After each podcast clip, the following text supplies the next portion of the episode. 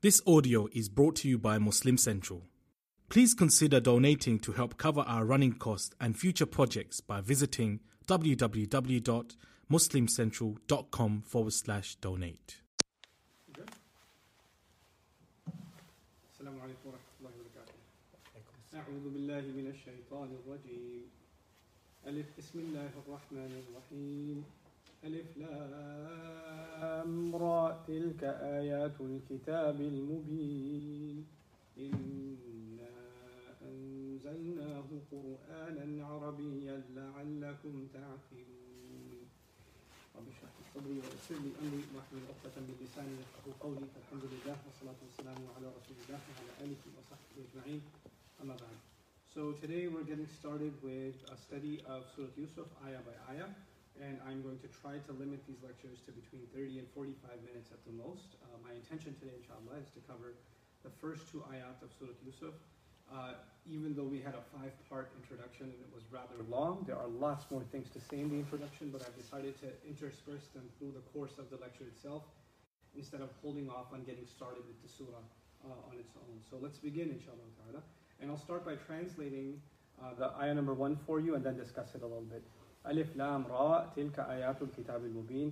Alif Lam Ra, those are the miraculous or divine signs of the clear and clarifying book. That would be a simple translation of the first ayah. Those are the miraculous signs or the divine signs of the clear and clarifying book. Uh, the first thing to note is the opening letters of the surah, Alif Lam Ra. Um, if you're a regular reader of the Quran or student of Quran studies, you know that a lot of surahs in the Quran are in groups. They're bunched together, right? And if you don't know that, well, now you're going to learn something about that. Um, so there are a number of surahs that have a similar style, and you can tell that they are related to each other, or Allah wants us to consider them connected to each other more deeply uh, by the way Allah opens those surahs. And the surahs that open with Alif Lam Ra uh, are like that. So you have, this is surah number 12. I'll take you back to surah number 10, which is Yunus. Um, and it's important to know surah number 10, Yunus, is a Makki surah. And all the way from there to surah number 23 are going to be Makki surahs. So 10, 11, 12, 13, 14, all the way to 23 are surahs that were given to the Prophet ﷺ in Makkah. Right before that, surahs number 8 and 9 are Madini surahs. So this is a this is part of a larger group of surahs that are that are Makki. Within them also, uh, you know, this first part are a bunch of surahs, actually five of them, that begin with Alif, Lam, and Ra. So you find in the beginning of Surah Yunus, Alif Lam Ra Tilka Ayatul Kitab al Hakim. Those are the miraculous signs of the wise book. So here we saw the clear and clarifying book. In the 10th surah in the beginning, the wise book. 11th surah, Alif Lam Ra again. تلك كتاب أحكمت آياته ثم فصلت ثم فصلت من لدن حكيم خبير. Uh, a book whose ayat, whose miraculous signs were stitched together and then they were opened up and explained on behalf or from, from, from the one that contains or possesses all wisdom and has all news. Then Surah Yusuf, the one we're looking at, Alif Lam Ra, Tilka Ayatul Kitab Mubin. Then after that is the only one that doesn't have Alif Lam Ra, Surah Ra'ad, it has Alif Lam Mim Ra.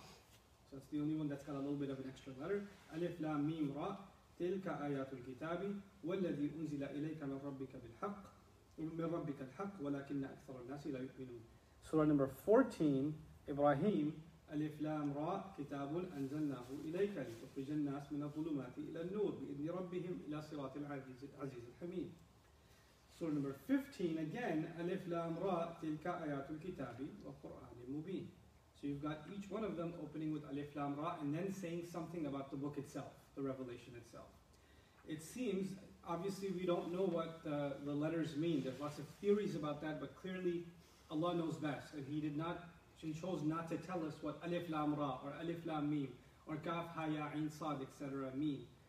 But the entire purpose of the book is for us to learn, right? And the question, the first question that arises is, how do you want me to learn something I don't even know what it means? What am I supposed to learn from that, right? Because Allah says, "Allam al-Quran." He taught the Quran obviously when you teach someone, you're helping them understand. And here you have a number of surahs, in our case right now, that are beginning with letters we don't understand. We don't know what the purpose of them is, right? Uh, there are a few things about that that are important to note. The most important of all of them is an orientation. Wallahu ya'lamu wa antum la ta'lamun. Uh, it's as if, you know, if, if a teacher was going to teach you something, it's important for a teacher to also set limits and say, this is what I'm going to teach you, and this is beyond the scope of your knowledge at the moment. And Allah teaching us guidance, one of the first parts of His orientation to us over and over again in different surahs is there are some things you are not meant to know. And I will be the one who knows and you don't. And this is an important orientation. Allah has all knowledge, including what Alif Lam Ra means, and you and I don't. We, we don't have that knowledge. And that reminder is necessary, especially in certain surahs. Now, why is it, for example, in the story that we're studying right now in the surah, most of it's going to be Surah Yusuf is going to be about the story of Yusuf salam. So why is that reminder important for us in studying Surah Yusuf? These three ayat that are coming in the beginning are going to be an introduction before we get into the story itself. Well, it's important because the story of Yusuf salam has a lot of details. There's a lot of people involved. He's got 11 brothers. There are parents. There's a lineage. There's a map involved. There's the, there's Canaan, you know, and so there there, um, there's the journey involved. There's the empire, the Egyptians, the minister, the minister's wife. It's called he's called Potiphar in, in you know uh, in biblical literature. Uh, so there are lots of characters and individuals and names and places and information involved. But the Quran is skipping out on a lot of them. In fact, I told you that the father of Yusuf alayhi salam is Yaqub. The word Yaqub doesn't occur in this surah. Allah just says his father, his father, their father, their father. Doesn't mention him by name. Not here. Other places he mentions them, but not here. Right? So it's important for us to know that Allah is withholding information. Allah is withholding information. And the first thing He's withheld is what does Alif Lam Ra mean, right? That's the first thing He withheld. And that's Allah's way of saying there are some things that you need to know for the purpose of guidance.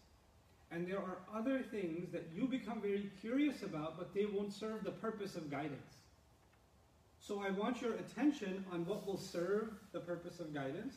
And I also want you to know that there are some things only meant to be known by Allah, no matter how curious you get. Now, what happens in Surah Al Imran, we learn that there are people that become obsessed with the things they're not meant to know.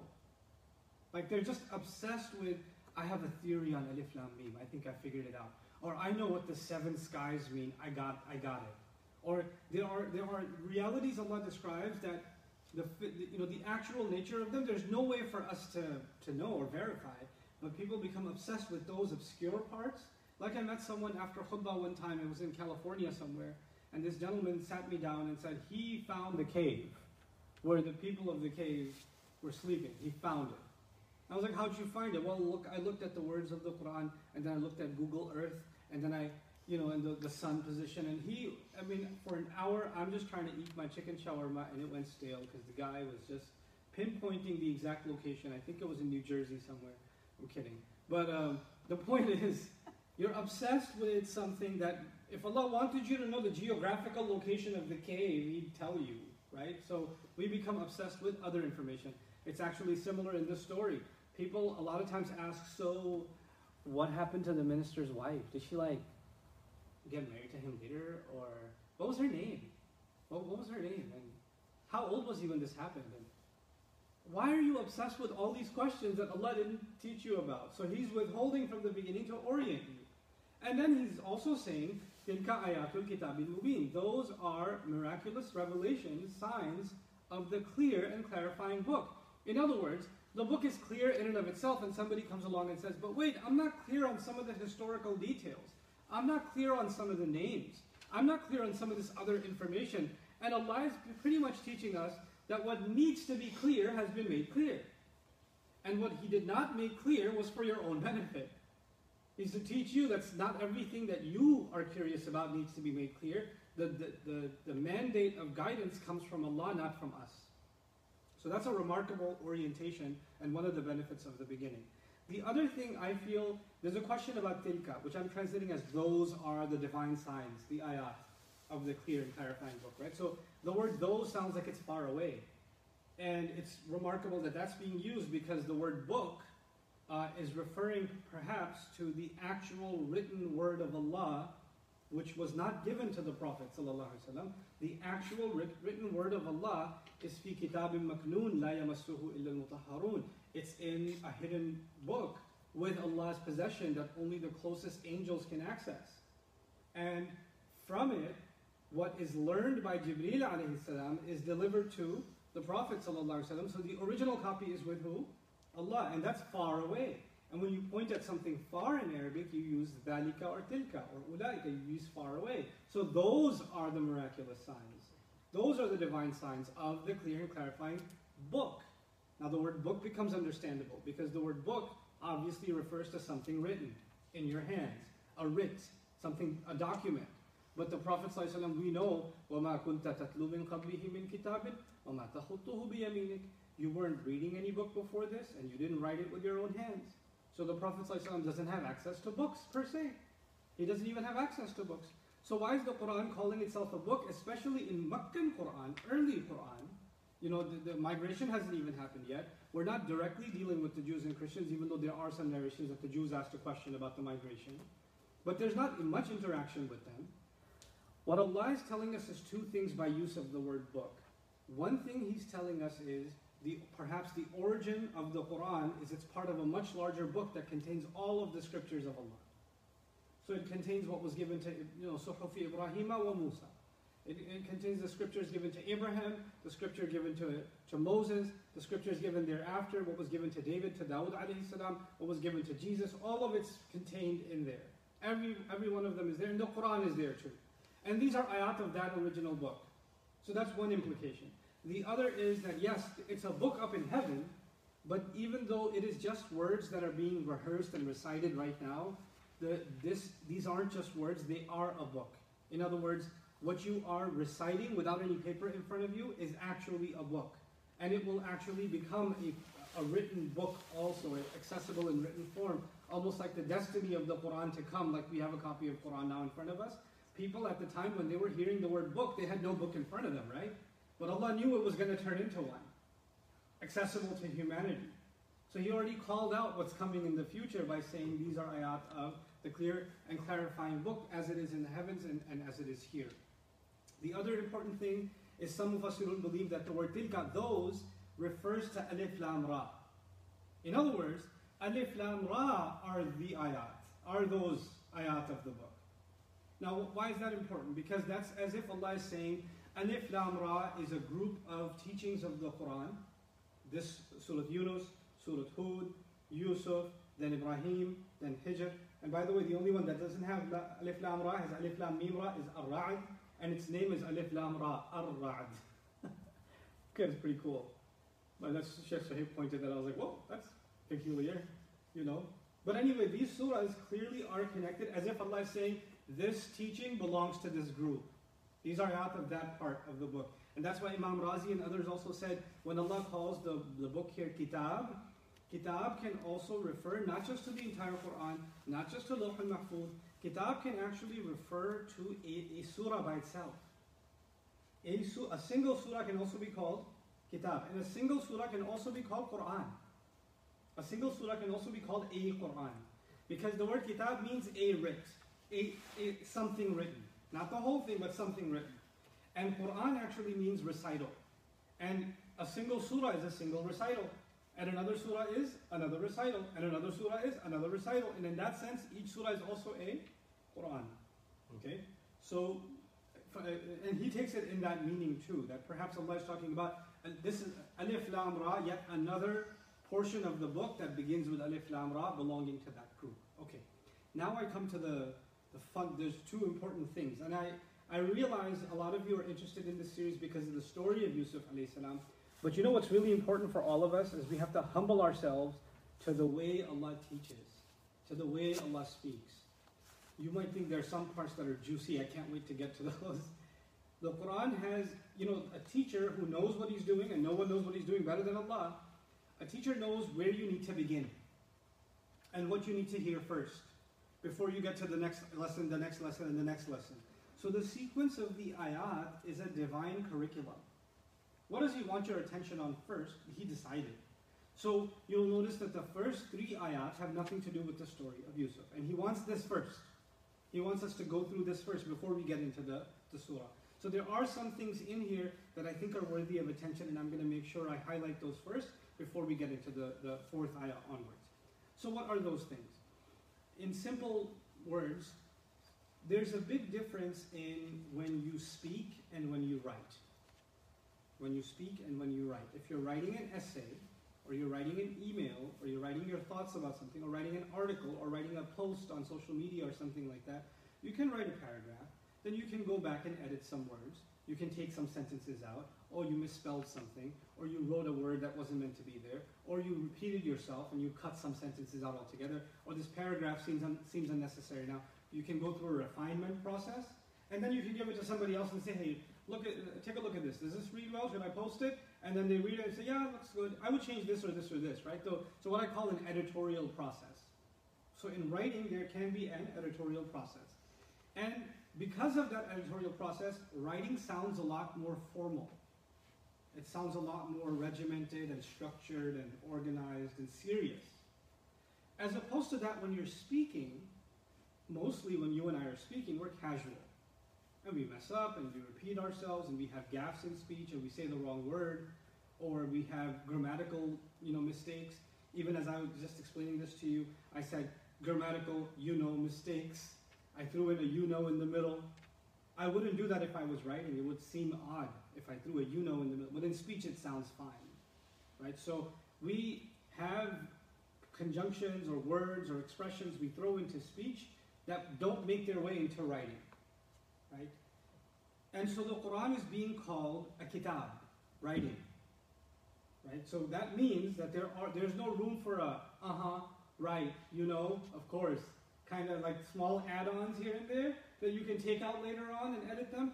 The, if something is written, and back then there was no backspace button, there was no select and cut or delete, there was no undo. All it was, once it's written, and it wasn't even written on paper, it used to be carved. Once it's carved, that's the final version. There's no editing it. So the Quran is claiming that whatever is coming out of the Prophet's mouth is the final draft. It's the original, and there's no edit possible. There's no edits that are going to happen. This, this is it. So that's another implication of kitab versus Quran. Quran means recital. So Quran is what is heard. Kitab is what is seen and read. Right? So Allah merges the two by describing the, the, our book as kitab, which refers to the written origin, and then he describes it as Quran, which is the Arabic that is recited. So both of those are unified. The oral tradition and the written tradition are connected together. That's, that's a unique feature of the Quran. Now, so tilka ayatul kitab mubin, the, the, uh, I'll, I'll get to mubin, which is an important word, but one more thing about kitab. The story of Joseph is known to the, the Jews and the Christians for, you know, thousands of years. They've known this story for a very long time. It predates Moses, right? So it's a, it's a very old story. And it's one of the most fundamental stories in biblical tradition for both the Jewish and the Christian people. It is in their book, it's at the end of the book of Genesis. And we believe that as the story was told in the Bible, it was actually revealed originally by Allah himself. Right? So it's, a, it's originally revelation. Whatever version of it there is now, we believe the original was actually revelation. Right? And the author of that revelation is Allah. And the origin of that revelation is the ultimate book that contains all revelations. So the story that occurs in the Bible originally was in this book. And Allah sent it down to them. But He didn't send them down this, this uh, revelation in Arabic. He sent it to them in Hebrew, didn't He? Because the, the people were Hebrew. And so He took the knowledge that was in that book and He transformed it into Hebrew and delivered it to the Israelite people, right? Now, He's the same author, same story, but He's going to now retell the story, not repeat the story. This is important. When you repeat something, you're saying the same thing again. He's not repeating the story, he's going to retell the story. Retell the story means he'll say he'll talk about the same events, but he'll talk about them in a new way altogether. He's going to highlight things that were not highlighted in the previous scripture. He's going to make you think about things that you didn't think about in the previous scripture if you read that book or if you read that story. And so he is going to, it's coming from the same author, so it's the same story, but now it's being retold. Okay? Now I get to, and, and this, this will become clear in the next ayah too, but now I want to get to the, the probably the most important part of this particular ayah. Al-Kitab and its quality, the description of the book, meaning the description of the surah, and also the description of the Quran as a whole, al-mubin. Al-mubin is, I translated it as clear and clarifying. So I use two words to translate al-mubin. The, these are divine signs, or those are divine signs of the clear and clarifying book. So I want to take some time to explain to you the difference between the word clear and the word clarifying and why both of those are important. Okay? Clear means something clear in and of itself. By itself, it's clear. Now that poses a question, what do you mean by clear? Clear in what sense? Right? And clarifying is something, the, the next step after that. So let's first talk about clear. Clear means that the book makes itself clear that it's not the word of a human being. Like when you hear it, you can clearly tell a person didn't author this. If you contemplate it, that conclusion will become what? Clear. It, and the word clear in Arabic, uh, you know, mubin comes from the verb abana, which comes from the origin bana, which means to separate. Meaning, when you read it, it separates itself from the word of human beings. You can tell this is not the product of a human mind. Okay? That's also going to be very evident because some group of Jews came to the Prophet and said, Oh, you have scripture? Well, how did the Israelites come to Egypt then? Can you tell us?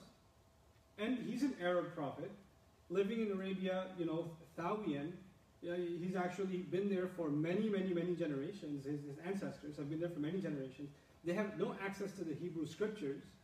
And yet, Allah is going to give to him clearly details of what transpired with this Israelite prophet thousands of years ago and make it very clear that the Prophet ﷺ has accurate information that was not accessible in a human sense. Human beings did not have access to that information, and they know that. So when they hear him talk about it, it's going to be very clear to them that this book is the book of Allah. You get it?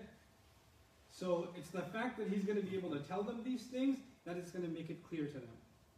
How else is the book clear? So the first thing is it's clear that it's that it's the word of Allah. It separates itself from the word of human beings. The second is it's clear in its message. It's not confusing. It's not ambiguous or abstract. You know, the, it's not using words that people can't understand or process or I don't know what's the point of this. I don't get it. What, is, what does it want from me? Its message is very clear and straightforward. It doesn't beat around the bush, it gets to the point. You know, it, it doesn't speak in abstract terms, it speaks, it speaks in very direct, clear, explicit, depicted terms. In, in, in Sometimes Allah will talk about something briefly and then He'll explain it Himself. So he, it's a very self-explanatory. That's the actually by the, the word self-explanatory or self-evident even is the word bayin from the same origin. Ayatin bayinat, right? That clear in and of themselves. So that's it's clear in its message. And then thirdly, I would add that the book of Allah is clear in what it wants from me and you. Like it's clear in its message. It's clear in the way it tells a story. It cle- it's clear in the way it describes God. It, it's clear in its way it describes the afterlife. It's clear in the way it talks about history. It's clear about all those things, its message. But it's also very clear that it doesn't just come to entertain you with a story. It's also very clear that it's not just there to give you interesting philosophical or theological information. It has demands.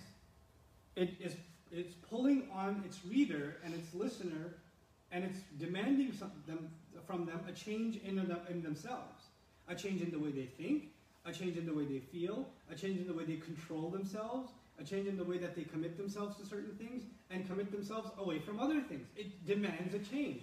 And it's very clear about. So, in every sense of the word, the book is what? Clear. Now, I'm going to give you an example. Imagine that you have a light bulb, a lamp of some kind, right? But the, you know how lamps have or a torch, a, a flashlight. A flashlight has a glass in front, right, that helps the light spread. Now imagine that that glass is not clear. So it's, got, it's covered in dirt, or it's got mud on it, or something on it. When you turn the light on, is it able to clarify the path? No. Until the glass is clear, it is unable to what? Clarify. Unless it's clear, it cannot clarify. I said the book has two qualities. It is clear and it also what? Clarifies. The, so what is it going to clarify? The book is meant to clarify the way we should live. The book is meant to clarify the difference between right and wrong. The book is meant to clarify what really happened in history, separating it from the lies. Because a lot of prophets Lies are told about them, and the Quran came to set the record straight and make it clear no, that's not what they were like. That's not what they ever did. This is what they were like. This is what the real account is. So it sets the record straight and it clarifies. So, and it, it clarifies the original purpose. It doesn't just clarify the events of history, it clarifies the purpose of history. Everything is heading towards a purpose. There's a reason why these events occurred. There's a reason they're being talked about. And so not just the facts. So in, in clarifying, this is the second piece, it can only happen if it's what first? Clear first. Now the thing, this is where the, the, the scary part happens for a Muslim. The Quran in and of itself is what? Clear. But Allah made it the responsibility of the Ummah to go out there and clarify. Take what Allah has given you that is absolutely what? Clear, and go out there and clarify reality for people. Those who repented, corrected themselves, and then went out and clarified. The book is not going to go on clarifying itself. You know, it could be that some people stumble upon the Quran and find the truth. That happens, right?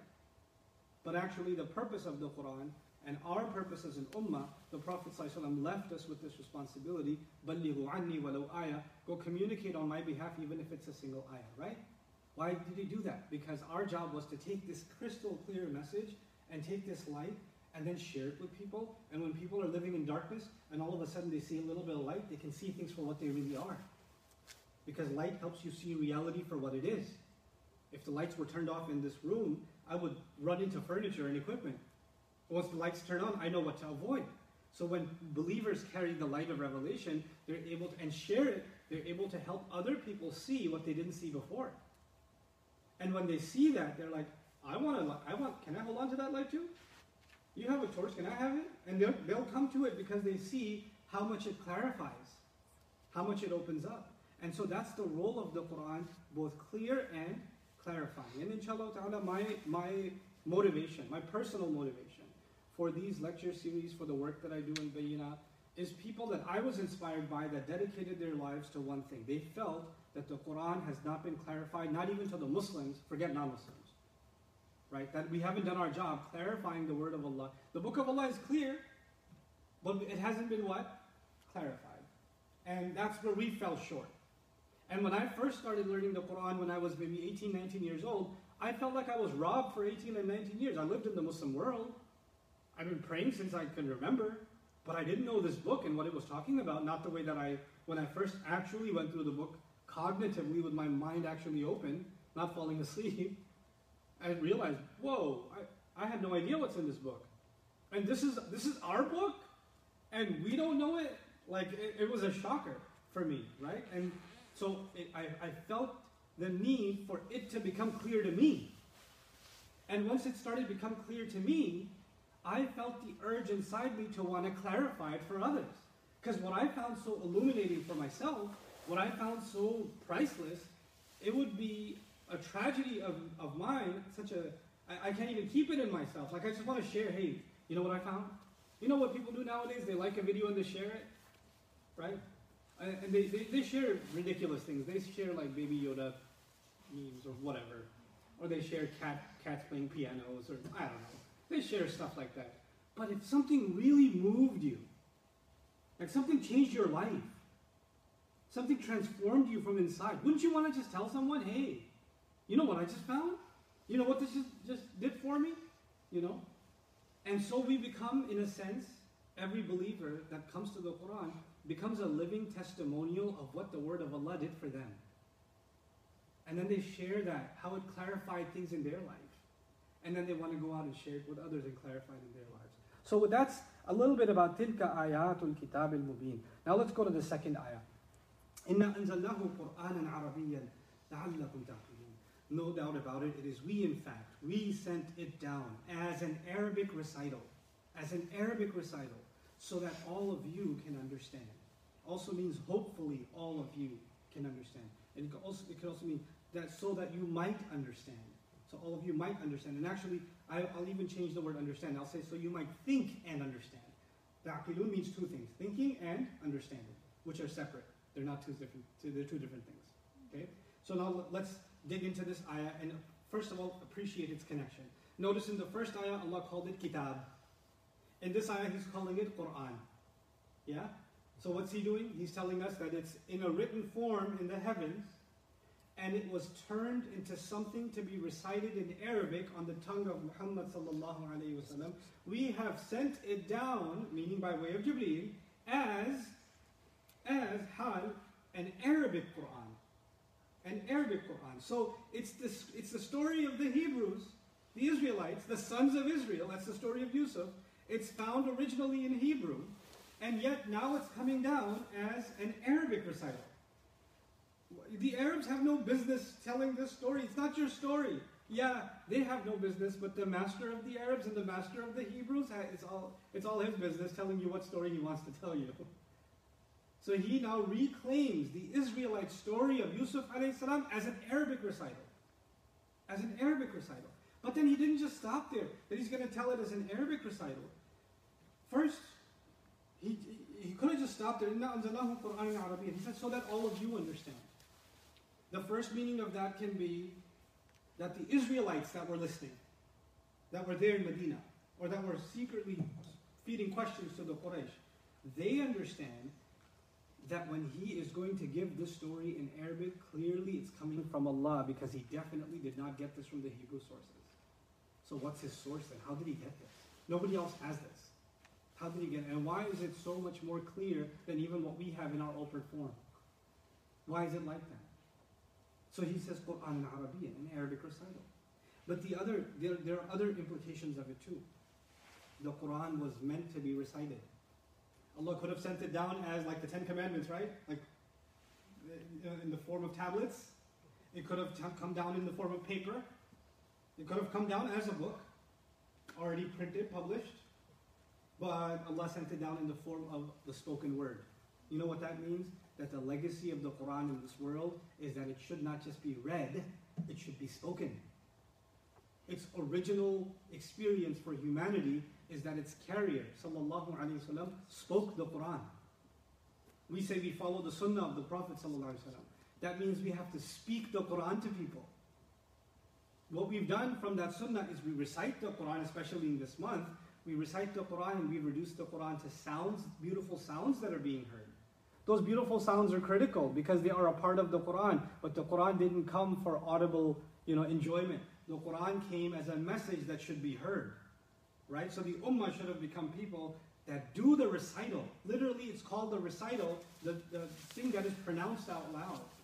But he put it in Arabic. Like he, and then the Mufassirun said, well, he put it in Arabic because the original audience was Arab. How could they not? Because it says we gave it as an Arabic recital so y'all can understand, meaning y'all are Arabs, all of you are Arabs. How could you understand it in any other language? So it's obvious that he said it in Arabic. But there's a larger question.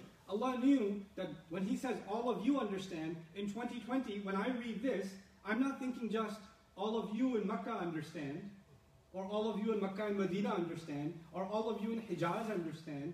I would be reading this, all of you in Asia, Africa, Europe, Australia, America. All of you across the planet will understand. Isn't this a book for all of humanity? Which creates the question well, if the Quran is for everybody, how come it's just in one language? It's not my fault that I'm, you know, Asian, or somebody else's fault that they're Hispanic, or somebody else's fault that they're Chinese, or somebody else's fault that they're Vietnamese. It should have come in Vietnamese to the Vietnamese people. You know, it should have come in Punjabi to the Lahoris. It should have come in, you know, different dialects to different people. How come it's in Arabic so you can understand? And this is a, a, a deep question. Why is it, why, Allah, Allah says, and the answer to that, for, for me, what I understand of the answer, is a few things. One, the Arabic language Allah prepared it for the final revelation. Allah prepared the Arabic language for the final revelation. He, it's, it's, the story begins with Ismail alayhi salam and all of that, but Allah chose the Kaaba to be in the desert. And He chose it to be in an isolated place with no natural resources up until the coming of the Prophet no natural resources whatsoever. So the Arab people were just herding sheep and you know taking their camels across the desert for trade, but they were isolated. And the great empires of the world, the Roman Empire, the Persian Empire, nobody was interested in the Arabs to, to extend their empire because even if they extend their empire and take over the desert, what are they going to do? What, what are they going to get from it? Rivers? What are they going to get? Trees? Agriculture? Are they going to get gold? I mean, oil hasn't been discovered yet, so we're in a new territory now, right? Now everybody's fighting over Arab land because of its natural resources. But back then, what was there? What natural resource? It had no value to the great empires of the world, which is why you've got the Roman Empire on the one end, you've got the Persians on the other end, you've got the Abyssinians on the other end, and none of them are interested in invading Arabia. They're just, it's just left alone. They're just left to their own device. Like, what are we going to get from it? They're like lost in history, this group. And they're by themselves. And when they're by themselves, their language becomes isolated for the most part. They do pick up some words from Persian and Greek, and when they do trade here and there, they pick up words and they incorporate them into their language, but not like what happens to, you know, international languages. Not, not, not like to, what happens to cultures that have trade, right? And this is, again, an important language concept. When you are a society that does a lot of international trade, then your own language deteriorates because it keeps getting contaminated by outside influences right? So uh, an easy example of that for you guys nowadays, ironically, is Mecca. Mecca was the most isolated place back then, just for the Arabs. But nowadays, when you go to Mecca, you go to Umrah or something, and may Allah open up, you know, and this and this disaster of, of uh, Corona, and allow us to visit Allah's house again. When you go there and you go in the marketplace, you've got some Senegalese guy selling the, you know, the, the prayer rugs, and he's selling it to some Indonesian woman, and he's telling her Panch riyal, Panchrial in Urdu. and they understand. And she's responding in Bahasa Indonesia, and he's speaking back in some mixture of English and Urdu. And I went to an Arab guy and I said, you know, in al mat'am al Pakistani. I asked him, what, where's the Pakistani restaurant? He goes, intaliq sida. sida is an Urdu word, intaliq is an Arabic word. And this guy is like a born and raised Meccan, and Urdu words came into Arabic and just make this nasty cocktail of what was, that's not Arabic. But that's what happens when other cultures come in and cu cultures mix. Language deteriorates. You don't have that phenomenon in Arabia. They are isolated for the most part. And because they're isolated, they're lang- and, and they don't have much to look at, man. When they go out at night, they just look at the stars because they got nothing on earth to look at. When they're out in the desert in the day, they're hoping they find a tree somewhere. You know? That's why their poetry is about horses or about that one tree that they found, or the moon, or the stars.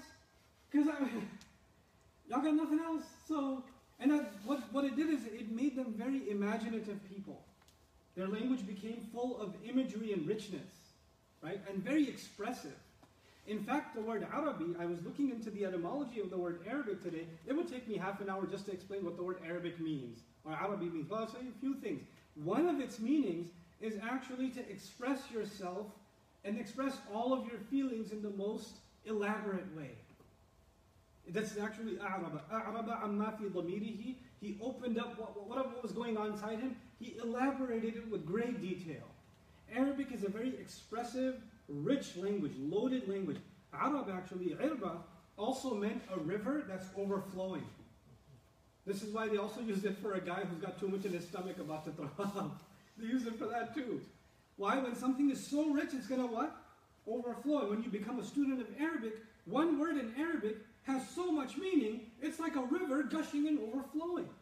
That's what it feels like. Allah made this language that way. But a, a society where you're doing trade, you don't have time for that kind of poetic, picturesque imagery language.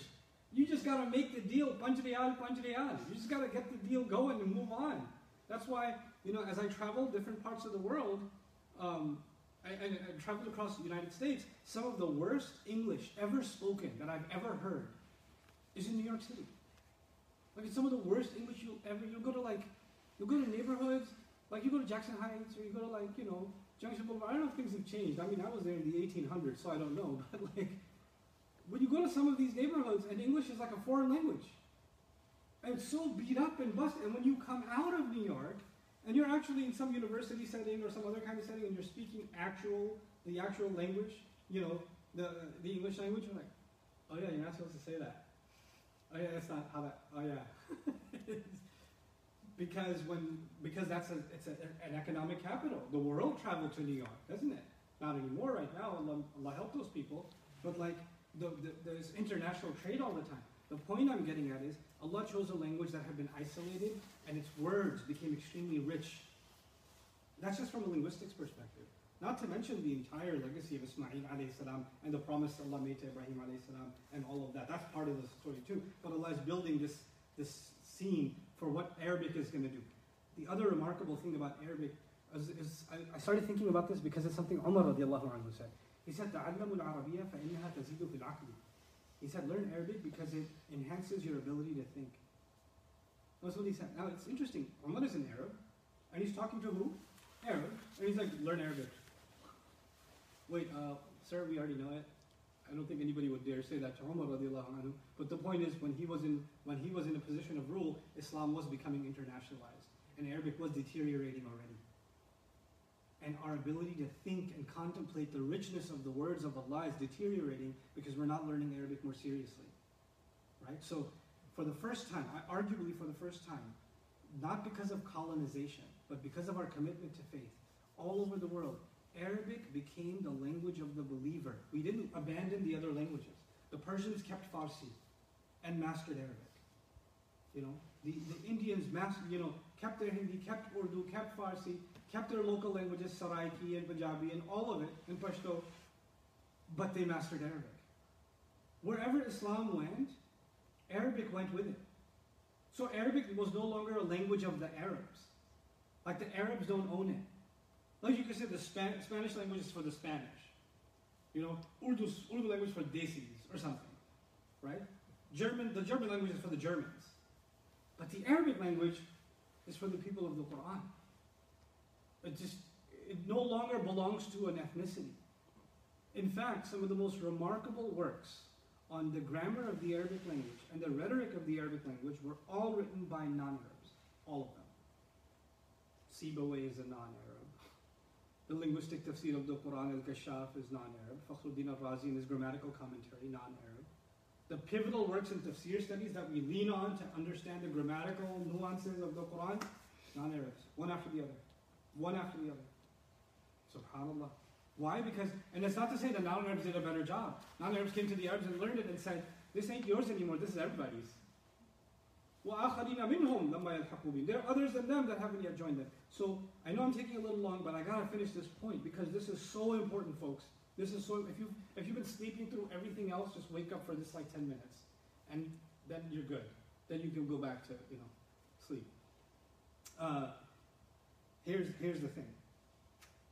In the history of religions, in the history of religions, you've got religions where the people that represent religious leadership, whether it's the it's the saint, or it's the preacher, or it's the rabbi, or it's the minister, or it's the pope, or it's the the, the swami or the pundit, whoever. It is the religious figure, the spiritual figure, the scholarly figure, who knows their the, the, the sacred word and takes care of the sacred monastery, whoever. They are the custodians of the religion, and the public doesn't actually know the religion. In order for the public to know anything about the religion, where do they go?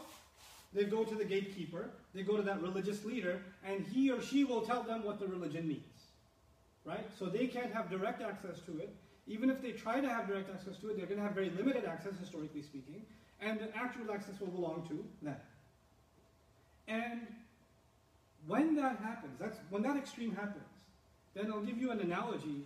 Imagine that you don't know a lot about cars. You know basically nothing about cars, and you go to the mechanic shop and you're trying to get your car fixed, and the mechanic uh, tells you you need a new engine, and you need new tires, and you need a new steering wheel, and you need a new set of seats, and you need a new, you need basically new everything.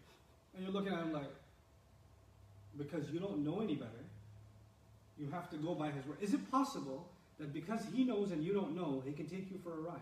He can take advantage of your lack of knowledge your lack of understanding. He can. If you're an informed consumer, however, if you know a little something about cars, or when he says you, you need a new engine, and you, you record him and say, why do I need a new engine? And he explains it to you. He says, actually, I got a second and third opinion, and I did some research. I don't need a new engine at all. I'm reporting you to the Better Business Bureau, or whatever. Right? Because you're an informed consumer, you can't be taken advantage of. What is the history of many religious traditions?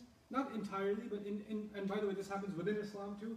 There's one person or two people who know everything, And if you question them, it's like you're questioning God Himself. How dare you question me? I'm the authority here. I'm the authority. So the religion started belonging to the clergy, and the population is just at, basically held hostage by the clergy. And they trust them and they adore them and they love them, but they better not cross the line because they're, they're going to get put in place. As a matter of fact, the clergy can decide that you're a kafir. If you mess with them too much, they can decide that you're no longer a believer. Or you're a heretic, or you need to be cleansed, or you need to be punished, or you're deviated, or you're, you're no longer pure, etc., etc. So they can condemn you as if God Himself condemning you. That's one extreme. The Protestant extreme was forget it. The Catholic Church is trying to control our reading of the Bible. We can read it ourselves. It's the Word of God. We should have access to it for who? For ourselves. And so, on the other extreme, you got people, a million people reading the Bible, and a million people coming up with different conclusions about what the Bible means. And so you've got more denominations coming out. From my personal reading, I think the book is saying this, and I think it's saying that, and I think it's saying that. And something as fundamental as who Jesus is has a different answer depending on which denomination of a church you go to. You, you go to a, a you know cities across America where you have different denominations of churches, and you have a conversation about the tr- the reality of Jesus. Just Jesus. Jesus should be the common point, right? The Christians, common point. But because of the open reading of the Bible and the open, like, any, I, I interpret it how I feel. My feelings are actually the mufassir, right? Everybody got their own version. Everybody got their own church started. Everybody got their own congregation. Everybody got their own. Sometimes they weren't even prophets. They declared themselves prophets according to their own reading of the Bible. They became prophets. All kinds of craziness. Why? Because it's a free for all. What did the Quran do? Because the Quran is also delivering religion. And if previous religions ended up either in chaos, anarchy, or in dictatorship, right? Those are the two, right? Then how is, the, how is Islam going to be protected? Allah says, we sent it down as an Arabic Quran. So first of all, there won't be confusions about translation or what a word might mean or what a ayah might mean because all of you, whether you are on one corner of planet Earth or the other corner, corner of planet Earth, you're discussing the same exact word. You're discussing al-mubin, the Arabic word, and you're looking at its meaning in the same exact places. You're, there's no confusion about what a word means. You're all in the same place. Then, because of that, he, he didn't say so that your religious leadership understands and then they can explain it to you. What did he say? So that who understands? Who thinks and understands?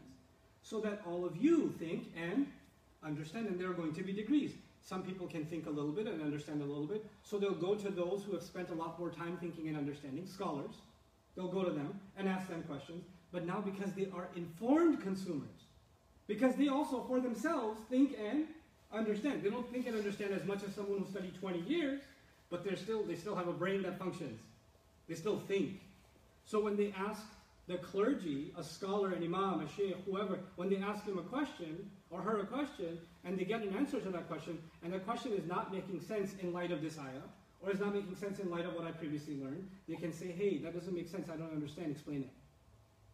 I'm not convinced, because I can't stop thinking. I have to be a person of thought. So it, I hate the word democratize, but it did open source religion. It created transparency in the learning of Islam. All of that starts going away when we say, no, Allah should have sent me, er, you know, the Quran in Pashto. I don't want to learn Arabic. Allah should have sent the Quran to me in Farsi. I don't want to learn Arabic. Allah should have sent the Quran to me in Punjabi. I like Punjabi. Or how about Bangla? How about Bahasa Melayu? I, I want to learn it in my own language. I don't want to learn it in Arabic. I don't, I don't want to follow the Arabs. Oh, the whole, this is an Arab thing, died a long time ago, folks. This is this the Quran is not an Arab thing. First of all, it's not a thing, it's the word of Allah.